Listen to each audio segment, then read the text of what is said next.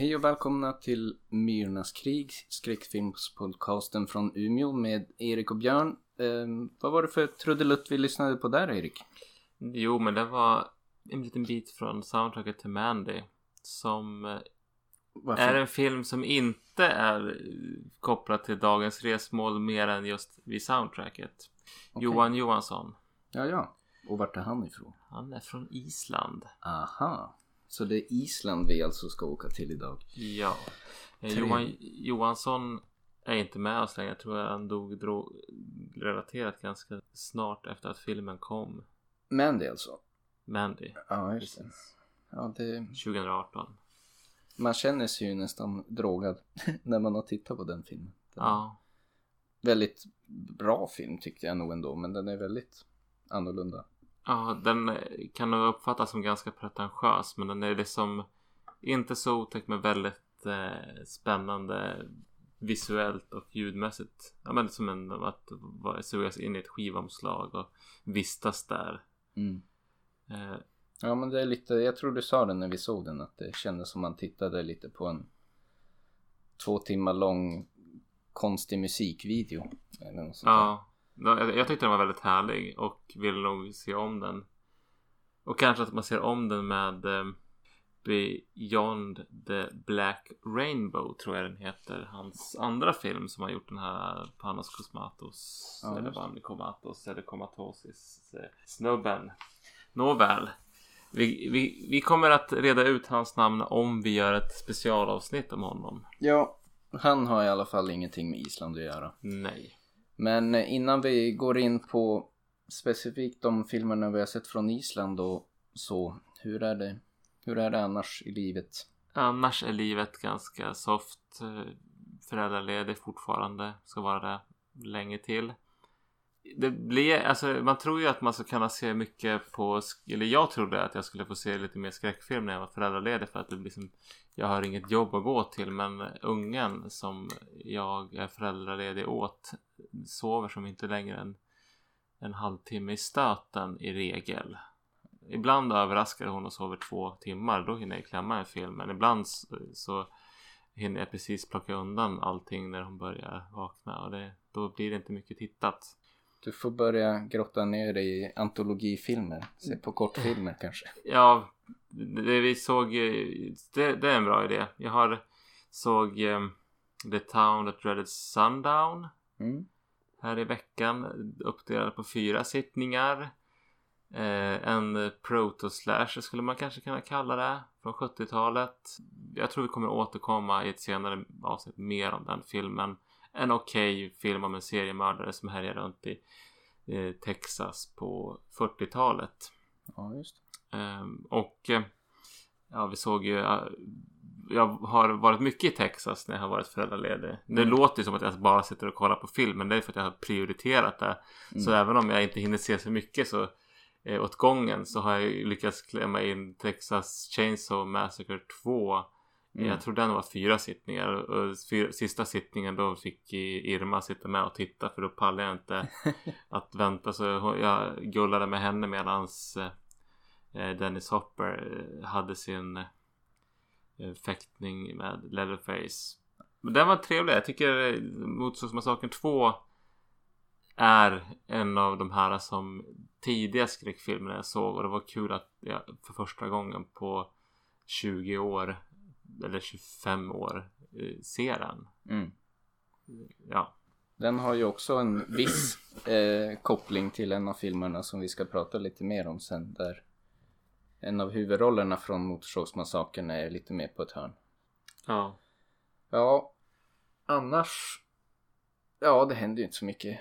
I livet i övrigt känns det som för mig i alla fall. Man knegar på. Det är som vanligt. Det... Har du sett något bra på filmväg då? Ja, jag var och såg eh, den nya Downtown Abbey-filmen på det. bio med min fru. Den var...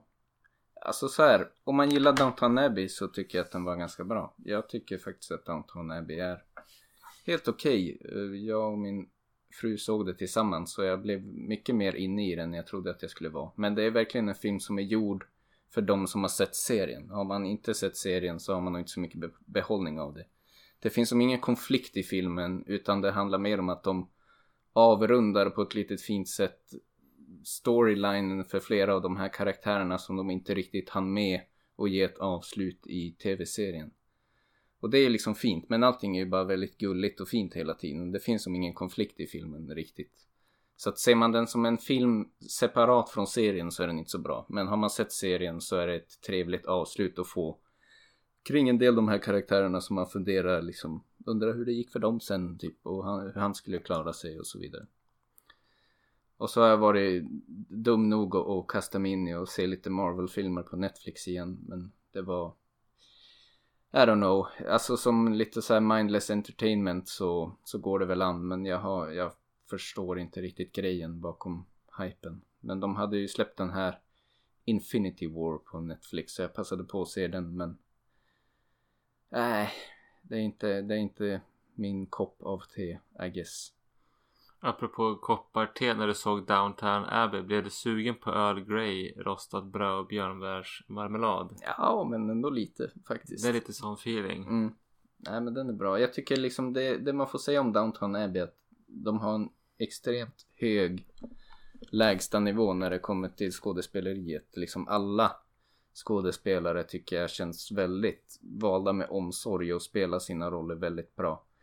Från liksom minsta statist till huvudrollerna. Så att det, de fångar det där på ett väldigt bra sätt. Och man, ja, I don't know. Det är lätt att tycka om.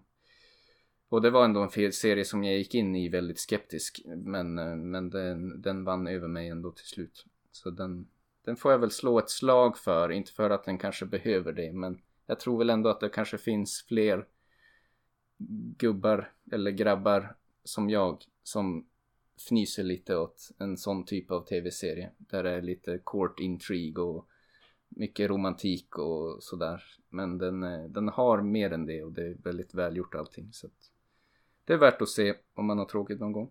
Ja ah, okej. Okay. Ja men jag såg ju, jag har sett lite på serien för en massa år sedan och jag vill bara minnas att det var så det är väldigt gulligt och lite jag kan känna att det är lite puttinuttigt och konservativt på en del sätt men samtidigt så jäkla trevligt att titta på. Att det är mm. det som det väger upp för det mm. där reaktionära i det. Jo men och så finns det ju också någon sorts, eh, alltså det, det är ju konservativt av en anledning. Man följer den här adelsfamiljen men man följer dem ju också lite grann genom adelns förfall och nedgång i England. Och sen kanske man inte problematiserar det så mycket utan det är verkligen, det, fokus är ganska mycket bara hur ska vi rädda slottet ungefär. Och man kanske inte problematiserar så mycket i att ifrågasätta huruvida man ens borde rädda slottet. Ah. Men man ser det ju ur deras perspektiv så att så tillvida kan jag väl ändå köpa det tycker jag. Så det går att se på det som progressiv människa? Ja, det tycker jag ja, man behöver ju inte bara se sånt som man kan bara... bekräftar ens egna idéer. Det blir ju lite enahanda. Man behöver berika sig själv. Ja, och ja. man behöver kanske inte politisera allt. Man kan bara se att det är väldigt snygga kostymer och välspelat och sen behöver man inte hänga upp sig på att det liksom inte är överpolitiserat utan de bara berättar den här historien ur en adelsfamiljs perspektiv. Och så får man väl liksom köpa det. Sen behöver man inte tycka att det är bra med adel för den sakens skull. Men det är ändå en välgjord serie tycker jag. Har ni sett på återstoden av dagen än? Som jag tipsade om. Nej. den är ett måste, ja. säger jag bara. Den är fantastiskt bra. Men det är ju inte en kostymfilmspodd vi driver. Mm. Där vi var med om i veckan, ja, både jag och Björn var desto närmare skräckfilm skulle jag vilja påstå. När vi skulle ut med vår gemensamma vän Mats och min åtta månaders dotter och bo i en övernattningsstuga vid Örälvsleden. Mm. Tanken var ju att vi skulle bo vid några fina broar, Tallbergsbroarna, för där ska det finnas en övernattningsstuga. Och där övernattningsstugan en gång stod var det väldigt fint. Mm. Men vi, när vi läste det finstilta i boken så hade den brunnit ner den där stugan för ja, det var länge sedan. Ja, det tog oss ju ganska lång tid att inse fakta också. Vi höll på att leta efter den där stugan ett bra tag innan vi insåg att eh, det finns ingen stuga. Och sen skulle vi börja leta efter en annan stuga men då var det också det här Stressen, det mörknar. Det mörknar, vi har en liten bebis med oss. Vi kan liksom inte gå hur långt som helst heller för att komma till någon stuga. Så vi försökte ta oss fram kring några jättedåliga småvägar där och det vart som bara pannkaka. Vi Det fick- var värre och värre ju längre jag höll på. Jag och Mats hittade någon sån här stuga som, ja men det kanske är den här stugan. Och sen så var det som en övergiven stuga som det kändes som att här kommer man inte levande ifrån. Det var som hämtat ur en skräckfilm. Mm. Jag vet inte om du såg det men det var så här, den enda vägen som gick till den det var så här antingen gå ner för en jättebrant slänt eller en övervuxen väg. Så den där stugan var ju som här kan det inte ha varit någon på många år. Och det var bara, jag får rysningar bara jag tänker på. Om det är någon som bor där så är det Leatherface. Ja men typ. Eller någon som dog där som går igen. Men eh, ja så en bil gick sönder när jag körde på någon grusväg. Och det, det var många strapatser. och Det slutade med att vi hamnade i dina föräldrars sommarstuga. Ja, Där det var det säkra kortet. det var lite, lite mindre spartanskt men det var ganska trevligt ändå. Det var ju så man fick, man fick elda lite och mysa i en stuga ute vid havet istället för längs med en älv. Men det var bra i alla fall tycker jag. Det blev trots allt lyckat.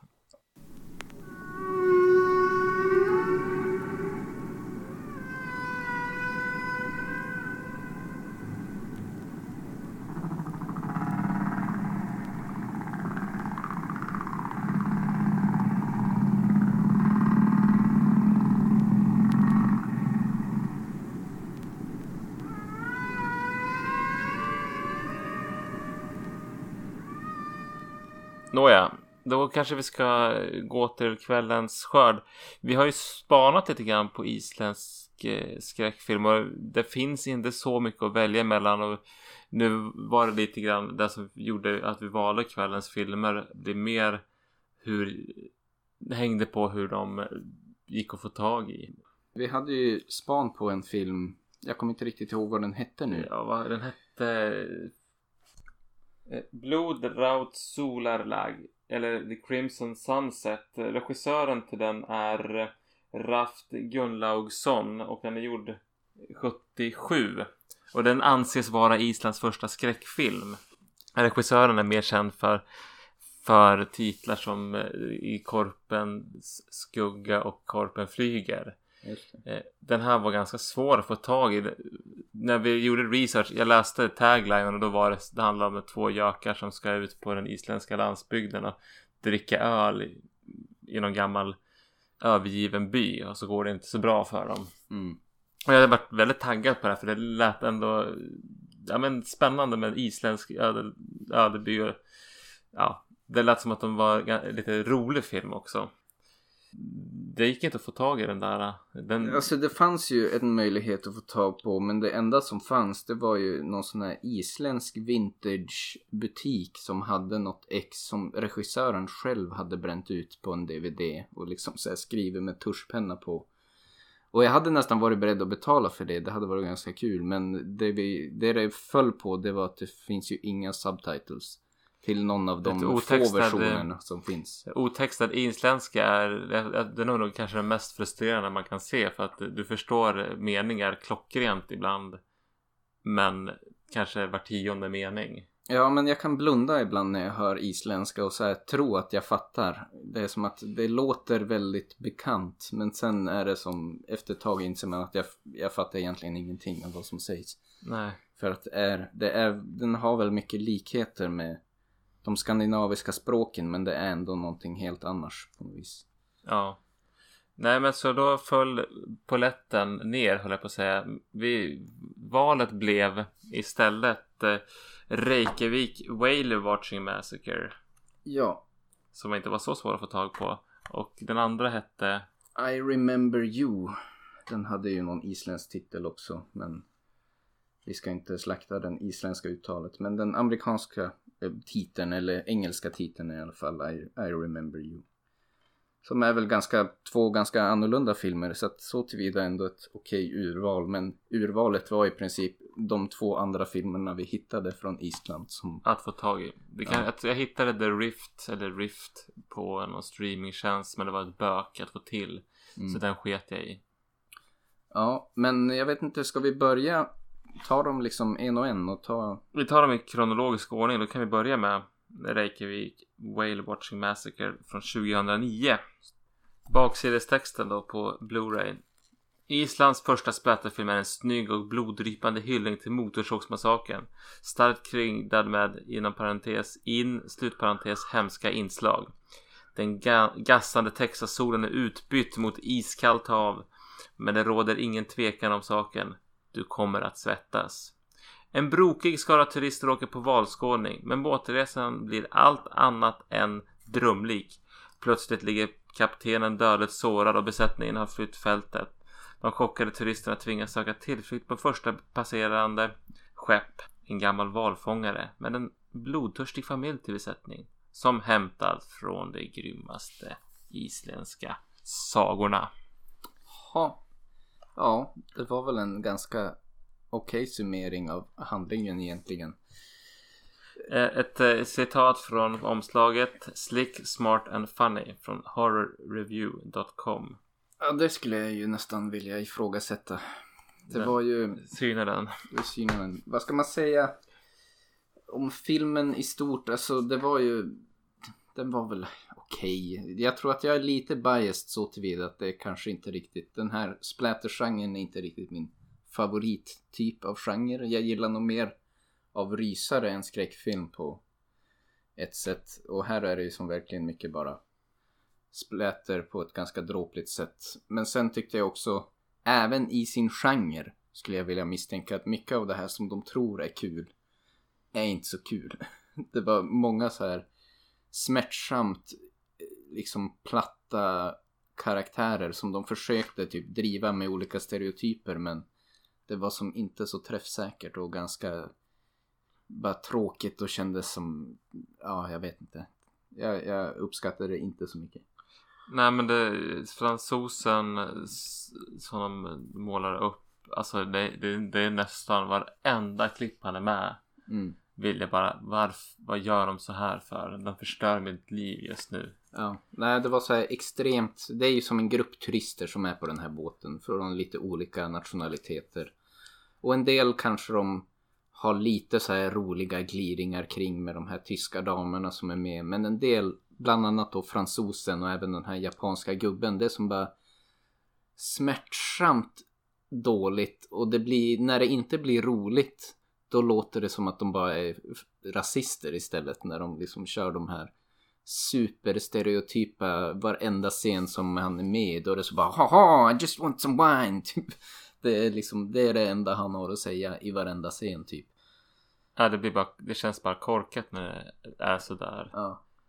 Sen så tycker jag den här filmen ändå har Det var några sekvenser En med en signalraket som jag tyckte var Där slapsticken funkar. Mm. Och det är något annat ställe också som Där det snubblar till och det blir roligt. Mm. Men så dialogen överlag är skriven av, kan ha varit skriven av en tolvåring. Ja. Som har alldeles sett för alldeles mycket rasistisk media i sitt liv. Ja, alltså jag menar, jag gillar ju en del av det här. Jag gillar till exempel väldigt mycket South Park. Men jag tror att det är så här, man måste vara väldigt ha väldigt bra fingertoppskänsla när man ska driva med stereotyper på det här sättet. Och det här är liksom ingen fingertoppskänsla alls utan det är bara så här det, det är liksom ingen surgical precision i det utan det är bara boxa huvudet rakt genom fönstret och hoppas att någon skrattar.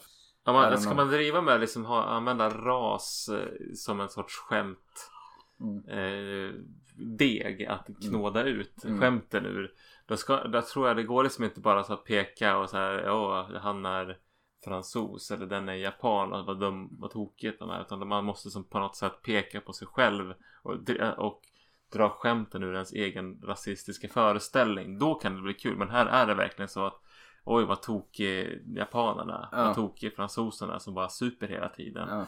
Eh, och säger dåliga one-liners som inte funkar för fem öre. Nej.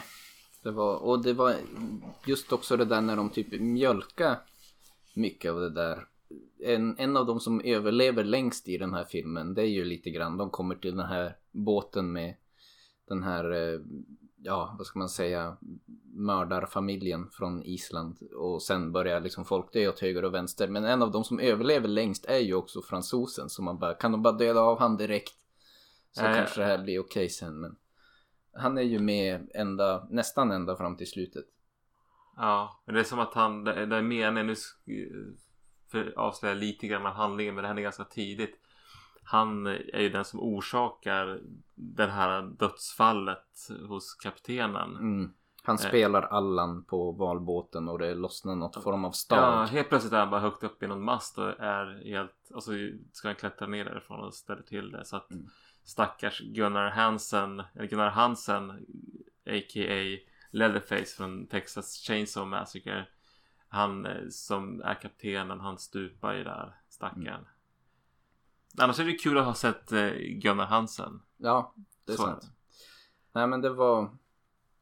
Jag vet inte riktigt vad man ska säga. Det, det kändes bara väldigt onödigt en del av det. Och sen en del av de karaktärerna som ska spelas mer seriösa. Om vi kan låt kalla dem för huvudrollerna.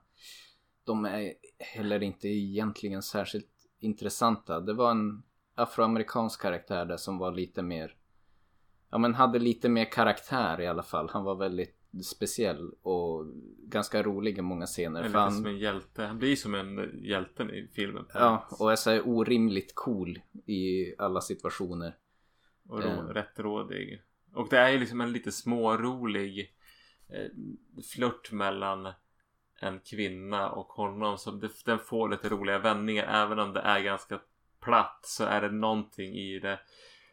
Ja men det är en person som eh, är på sin honeymoon. Men Mm. hon har inte med sig sin man för han dog i någon olycka. Och det så, och så gör de, spelar de lite fiol-feeling där liksom. Mm. Och det Ja, det är ganska fånigt och sen så helt plötsligt så blir hon lite förtjust i den här rättrådiga och så blir han ju det, det går inte så bra Nej. i, i den flörten. Nej, det är ju ganska enkelt, simpelt gjort. Men det var som ändå ett, ett skämt som funkade tyckte jag. Och jag tyckte att hans karaktär var liksom helt okej. Men det är väl nästan den enda karaktären som jag hade så mycket till övers för. Sen rent, jag vet inte om man ska prata om en splatterfilm. Jag tycker det känns som att de hade kunnat vara lite mer kreativ med dödsfallen också. Jag får väl ändå säga att det är svårt att prata om en skräp- splatterfilm och inte prata om det. Det handlar ju lite grann om det också. Att det ska vara lite kreativa, intressanta dödsscener. Antingen precis att det blir något som är visuellt snyggt eller något som är jäkligt dråpligt i en sån här film som ska vara lite rolig. Mm. Det, var, som du nämnde, det var en scen där med, med vad heter det på svenska ens? Lysraket, en sån här signal flare. Signalraket. Signalraket.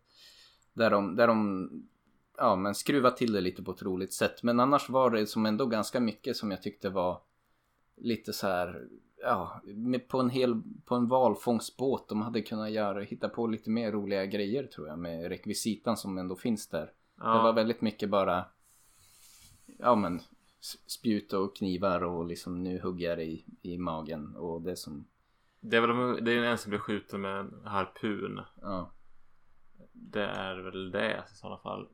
Och många av dödsfallen tycker jag att det, det är någonting med klippningen och tajmingen gör att det inte heller blir så spännande. Det är bara åh nu dog en till, åh nu dog en till. ja. Eh, Där kan jag tycka var... Nej, den, den var... Jag tycker inte att den är sevärd för någon som inte vill som, täcka in isländska hörnet av den här genren. Tänker jag. Nej, alltså jag får som försöka tänka utanför mig själv. Om man är ett fan av genren i sig och tycker om den här typen av lite mer dråpliga splatterfilmer. Så undrar jag ens då om det är så mycket att ha. Det är kanske, det är som du säger, om man vill täcka in och ha sett och det kan vara lite roligt just att eh, Gunnar Hansen är med på ett hörn som ändå är en legend. Han är en legend och han är islänning, lärde jag mig. Ja, så det, det är väl möjligtvis därför. Men ändå. Jag, jag tyckte inte att den var så bra och jag har svårt att tänka mig att ett inbitet splatterfan skulle tycka att det var så mycket att ha heller.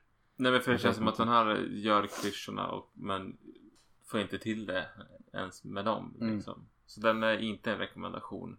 Eh, Och förutom att det faktiskt utspelar sig på en valfångstbåt så Ja, det kommer väl igen lite i den andra filmen också som vi ska prata om men det var inget så här som kändes särskilt annorlunda eller att man liksom snappade upp något som att ja, det här var lite annorlunda än de andra typiska filmerna vi såg. Det kändes som en ganska typisk västerländsk splatterfilm fast det är på isländska. Ja, de klämmer in en valfångare. De klämmer in en fantastiskt konstigt placerad version av eh, den här björksången. Mm. Eh, Vi kan ju klippa in den kanske. It's oh so quiet. Shh, shh. It's oh so still.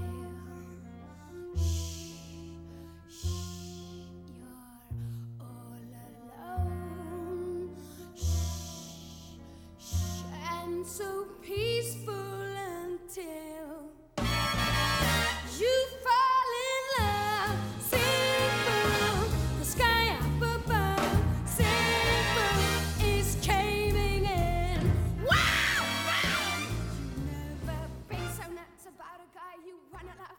You wanna cry, you cross your heart. and- Ja, det blev inte så, jag har egentligen inte så himla mycket att tillägga ytterligare om den här filmen. Lite av en besvikelse. Samtidigt gick jag inte in i den med några superhögt ställda förväntningar. Så det var väl lite sådär bara, ja, okej. Nu har vi sett den. Det, titeln var festlig. Filmen var sämre än förväntat och jag hade inte så jättehögt ställda förväntningar heller Nej. skulle jag säga. Ehm, men det var alltså The Reykjavik Whale Watching Massacre. Och då pulsar vi vidare till filmen Jagmandig. Så hette den ja. Visst Eller var det så? I Remember You som de kallade på engelska då. Och den handlar väl, ja om vi ska lite snabbt gå igenom handlingen. Eh, det börjar med att eh, en kvinna som hänger sig själv inuti en kyrka.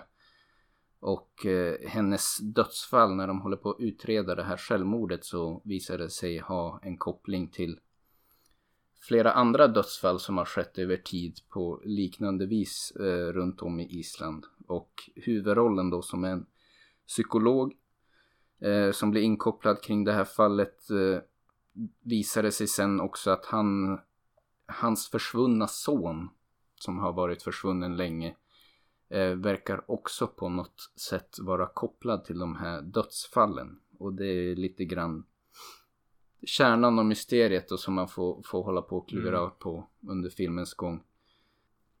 Så det är I remember you. Vad ska man säga om den filmen? Ja men det, först får vi följa den här psykiatern som utreder och jag måste bara tillägga att man får också följa ett, en, en grupp om tre en man och två kvinnor eh, som ska rösta upp ett hus för att starta ett bed and breakfast i en avlägsen del av Island. Mm. Och de blir också på något sätt indragna i mystiska händelser som eh, ja, det visar sig ha en koppling till det Björn just pratade om. Ja, allt, allting hänger som ihop men det är inte från början alls särskilt klart hur allting hänger ihop. Men Nej, allt eftersom filmen fortlöper så, så liksom börjar man pussla ihop det här mer och mer. Och det är väl, eh, ja du beskrev det lite grann som en liten kusligare variant av en Beck-film. Och Ja. det, det kan jag väl nästan hålla med om. Det känns som en, en deckar-mysterie men med lite övernaturliga förtecken om man säger så. det som fick mig att säga där var ju att det både är det skandinaviska berättandet på en, det grådaskiga eh, deckarviset där det är några kar- karaktärer som de går från punkt A till punkt B och träffar lite personer och frågar saker och det man är på olika brottsplatser eller analogt till det Mm. och eh, det är ett mysterium och, ja, men, dels det men också själva dramat som utspelar sig emellan det är ju ändå han Freyr, psykiatern, han, eh, han är inte ihop med sin fru längre. Han får träffa henne, de har lite snack. Eh, Han eh, hänger ganska mycket med en patolog Mm. som blir lite grann hans följeslagare i det här sökandet efter svar och sonen då i slutändan. Ja, det kändes, kärnan i det hela är väl egentligen att han vill försöka och har väl kämpat en längre tid med att försöka komma till terms med vad som egentligen hände med hans son. Ja, För det var, man, det är som implikerat i filmen att det här var någonting som var jättestort i Island och i princip alla var involverade i sökandet efter det här barnet.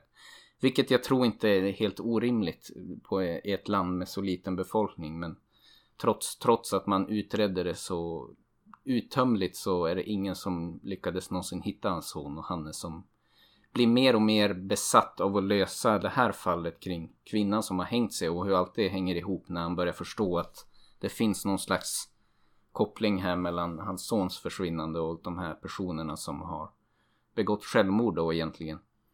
ja för utan att avslöja så himla mycket om handlingen så han, det är ett annat barn som har försvunnit tidigare på Island och Mm. han drar väl paralleller och då går han igång. Mm. Och det blir att han sträcker ut någon stackars pojke på någon fritidsgård för att han ska få tag i information och eh, allt vad det är. Alltså man kan väl säga så här. Jag tyckte att ganska bra bit in i filmen att den här filmen ändå var väldigt bra. Den är inte så här det, det rysliga som är är ganska tamt. Det är väl liksom gränsar till en skräckfilm men är, väl mer av en deckare. spökfilm. Ja. Men jag tyckte ändå att själva mysteriet och hur man presenterar det var bra. Jag var intresserad och engagerad väldigt lång bit in i filmen. Kanske blir jag lite svaghet för den isländska miljön också som de filmar på ett väldigt vackert Och sätt. det är väldigt snyggt med de här bergen och det är så himla utsatt eh, natur. Det är inga träd och det är bara vatten och vind och Ja. snö. Men jag, jag uppskattade det. Sen, eh, sen tar de ju en väldigt onödig och märklig vändning i slutet som saboterar filmen i alla fall för mig. Som jag, ju mer jag tänkt på det i efterhand stör mig ännu mer på. Det hade kunnat varit i min bok en riktigt bra film. Eh, kanske Alltså- en stark trea till och med. Men sen Då- de verkligen sjabblar bort det på De tar, slutet. in en, de tar in en karaktär som Ja, man, i, I ett skede i filmen där ja, man lägger pussel för fullt och liksom börjar liksom skapa sig en bild av det men det här är ganska spännande så kommer det in en karaktär som är som en eh, expositionspresentatör Mm.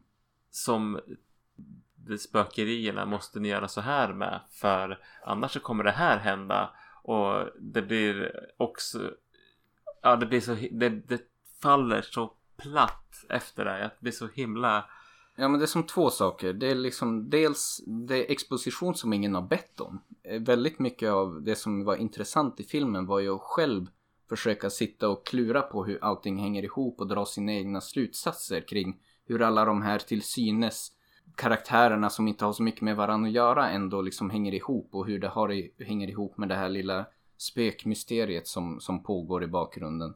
Så att det var som exposition som ingen hade bett om. Och sen efter man har fått den expositionen då vet ju vi som tittare redan exakt hur allting hänger ihop. Det är inte som inte lite exposition utan han går in och förklarar exakt hur allt hänger ihop. Och då är det som inte så spännande att Nej. följa med i mysteriet längre när man redan vet svaret. lite, och när de gör den här expositionen, ja, men, vilket är så himla konstigt för det känns också som att de gjorde det för att att man skulle säga nu blir insatsen större för att man får information som är att ja men det här måste lösa sig annars så kommer det bli värre. Ja, Och så, men det blir inte spännande för att då vet vi, ja men det är så här det hänger ihop. För på något sätt vet man också att ja, men det kommer få en resolution mm. och katarsis och bla bla bla. och, Det kommer bli så fint. Kan man redan då ana. ja, och plus att den här karaktären också är så sjukt shoehorned in i handlingen. Att det känns som att det, det är någon producent som har sett filmen och bestämt att nej men det här var lite för kryptiskt. Nu måste ni ha in någon som förklarar det. För han som karaktär i filmen passar ju inte alls. Det är hans fru som introducerar honom för den här advokaten eh, också. Exfrun som knappt är med någonting alls. Ja, hon är plötsligt där då och ska introducera honom för den här advokaten som också visar sig vara psychic. För att hon menar att han har hjälpt henne att gå vidare och komma vidare i livet. Och det som han då sen säger är liksom verkligen så här bara, nej men nu måste du hitta din son. Du måste förstå hur allt har hänt och vart han är. Annars kommer allting gå åt helvete. Och så bara okej. Okay, hur fick det henne att må bättre liksom? Det var väldigt Väldigt så här krystat hur de introducerar Ja, det- honom hur- in i precis, hur handlingen. skulle hon börja? Hon är ganska lugn och tillfreds. Men hon har informationen att om inte vi hittar kroppen eller kommer Mm. på ett sätt att lösa hans andes eh, stora boja. Då kommer den anden att plågas. Ja. Hur kan man känna sig tillfreds med det? Precis, och man förstår ju innan hur de har introducerat frun också att mycket av det som har splittrat dem är just att Freyr, den manliga psykologkaraktären, blev så besatt med att ta reda på vad som hade hänt att det liksom slet dem isär. Och sen har hon fått veta det här då tydligen och efter det har liksom kunnat känna sig lugn och mått mycket bättre. Det var, nej, Dåligt manusarbete. Ja, det känns som att det, det här är liksom, de har gjort klart filmen och sen har någon sett den och kommit på att det här vart för kryptiskt. Och så har man liksom tjohornat in den här karaktären och scenen i efterhand. Det är min gissning. Mm. Men det, det faller väldigt platt. Och som sagt, det är ändå inte, det är typ en halvtimme kvar av filmen när det här sker. Och efter den sista halvtimmen, då vill man som bara att det ska ta slut. För att då har vi, då har vi liksom behållningen i filmen. Det är att sitta själv och klura och tillsammans med Freyr försöka klura ut hur allt hänger ihop. Men när vi vet det, då är som, som tittare betraktad filmen klar. Ja. Då, Det då blir bara en transportsträcka på slutet. Det, men det, ja, det är ju lite, lite spännande så här, hur hänger de här, för det är som två parallella handlingar i filmen. Och man, man, det blir som en transportsträcka tills, man, tills att få reda på när kommer, vad, när, när, när får vi veta vad som eh, binder ihop de här historierna. mm, Och det är lite störande för det är också på ett sätt gjort att det är nästan Det är inte så jäkla lätt att man, de, Det är omöjligt att veta innan man får en viss information i slutet. mm, mm. Ehm, ja, och jag, ska, jag tycker också att den här relationerna i den här triangelgruppen. Det är så ett triangeldrama med de här som ska göra sitt bed and breakfast. Och jag tycker det är så himla också krystat tycker jag. Ja, det var ganska weird. Det var... Det är som svårt att förstå karaktärernas motivationer. Det är tre personer varav två tjejer och en kille och båda de här tjejerna har på ett eller annat sätt haft ihop det med killen och sen har de tyckt att det var en bra idé att alla tre far ut tillsammans för att starta det här bed and breakfast. Och det går ju inte bra naturligtvis eh, men man undrar liksom, det, är väldigt svårt att greppa i hur de också pratar med varandra. Hur kom ni fram till att det här var en bra idé för er att fara ut hit tillsammans när det uppenbarligen verkar finnas mycket fortfarande öppna sår i den här eh, konstellationen. Det, det var väldigt konstigt. Ja, det kändes eh, ologiskt. Men nu har vi klankat ner väldigt mycket på störiga detaljer. Men ändå så tycker jag att den här filmen är ganska okej. Ja, Jag tyckte den var... Jag skulle väl säga, ja men den är som en stark tvåa. Den är, är man i skräckfilmsintresserad och Eh, tycker om att se lite annorlunda miljöer. Ja men då är den helt okej. Men jag skulle inte förvänta mig mer. Ja men som en Beck-film fast med övernaturliga inslag. Och på Island. och på Island. Det känns som att de gör lite mer med att de är på Island här. Inte så mycket att, lite grann samma kritik som kring Reykjavik. Att det, är, det är väl egentligen kanske en liknande filmkultur. Så att det är inte så annorlunda. Man känner igen berättargreppen och liksom sättet som storyn berättas. Men det är väldigt fotomässigt. Jag gillar ju den här isländska miljön som de ändå nyttjar på ett bra sätt i den här Ja. filmen tycker jag. Som är väldigt unik och en spännande setting för en rysarmiljö. Just att det är sånt kargt, kallt, rått landskap på något vis. Det adderade det till både till att det estetiska men också till utsatthetskänslan. Mm. Ja men jag tycker den var, ja men den är ändå av de filmerna vi sett den här gången så var den den bättre definitivt. Jag fick underhållning. Ja, alltså jag skulle nog på det stora hela trots hård kritik nu ändå säga att det är en bra film. Jag hade nog lagt den ungefär som du. Två, två plus kanske.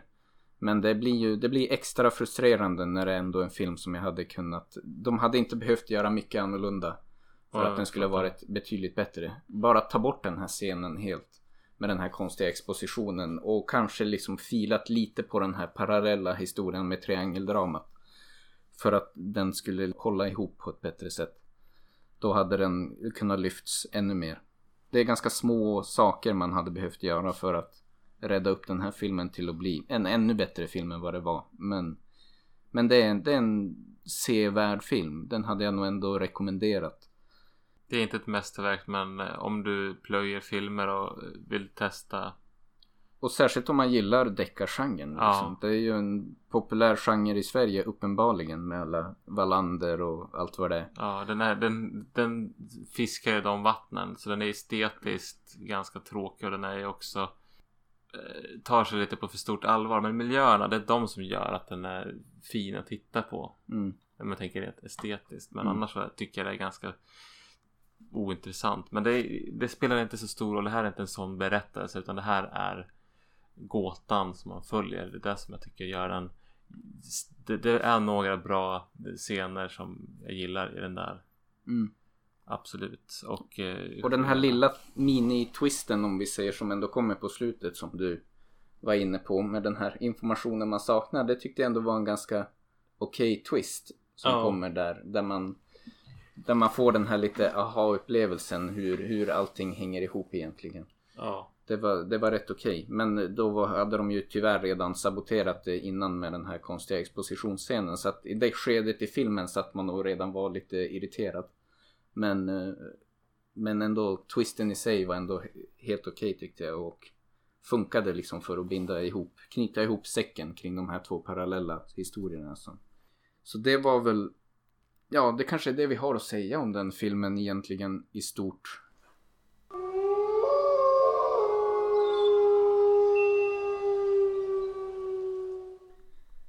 Men med de här två filmerna som vi nu har sett. Vad tycker vi om Island som resmål? Som skräckfilmsresmål så var det inte så spännande. Jag tyckte Turkiet var en positiv överraskning. Mm. Det här var som jag, jag, jag hade hoppats mer på Island just för miljöerna och eh, lite udda, en lite mer exotisk del av vår egen kultur. Ja, nej men jag håller med dig. Jag tycker att först Turkiet en väldigt positiv överraskning. Sen Spanien kanske ganska väntat men ett stark filmnation. Och sen Island som jag ändå har en viss förkärlek till. Jag och min fru har ju varit och rest några gånger på Island och tycker att det är väldigt vackert land och en väldigt trevlig kultur. Och det finns ju en väldigt rik mytologi i Island som jag hade trott och hoppats att den kanske skulle kunna komma in mer i, i filmkulturen också. Men lite som vi var inne på med båda filmerna att det kändes som man kände igen filmerna. Det var ganska typisk västerländsk amerikansk influerad film Ja, det fast på är en- isländska språket. Det ena är Motorsågsmassakern fast mycket sämre. Mm. En valångare och den andra är en spökdeckare.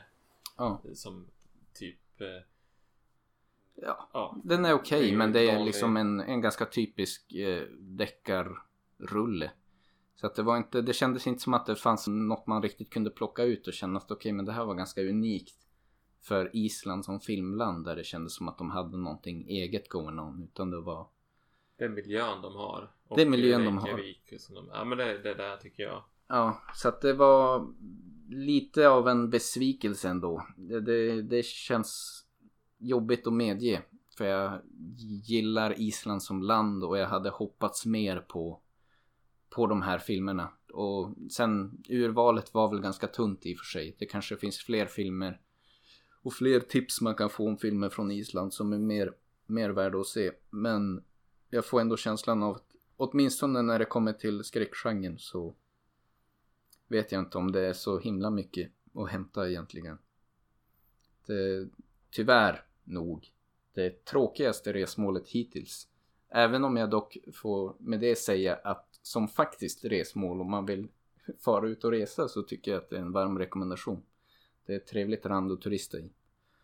Men för film, filmresmål så kan man leta, leta sig åt ett annat håll. Kanske börja med att att fara till Turkiet som vi gjorde.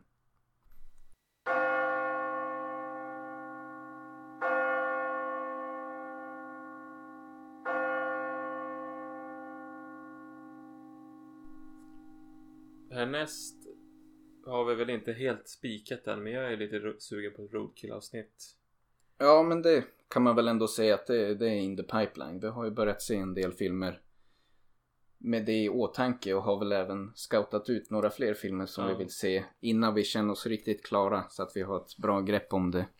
Men att göra lite ett temaavsnitt kring, kring den typen av road movie horror typ. Eh, med det sagt så är vi väl egentligen klart slut för den här gången tror jag. Ja, det tycker jag. Det är eh, dimmigt och regnigt ute men det är inte så himla kallt i Umeå. Så eh, om man ska göra någonting IRL, IRL så är det nog ändå behagligt ute. Vi kanske kommer bege oss ut Ute i höstrusket. i höströsket och eh, känna lite, få lite skräckfeeling. Jajamän. Men eh, ja, om ni vill tipsa någon annan, ni tre personer eller två som lyssnar så kan man ju hitta oss lite varstans. Det är på Podbean hemsidan kan man söka rätt på Myrornas krig. Annars finns vi också på Acast och Spotify. Och jag jobbar på att få in oss på iTunes. Ett annat, eh, försöka en gång till här. Ja men det är väl det. Vi finns också på Facebook och Wordpress. Ja, Typ så adjö. Adjö med er. Ni får ha det så gott så syns vi nästa gång. Så får vi se om det blir en ny del av jorden runt-resan eller om det blir ett litet mer temaavsnitt kring road movies. Men vi tackar för oss och så får ni ha det så bra.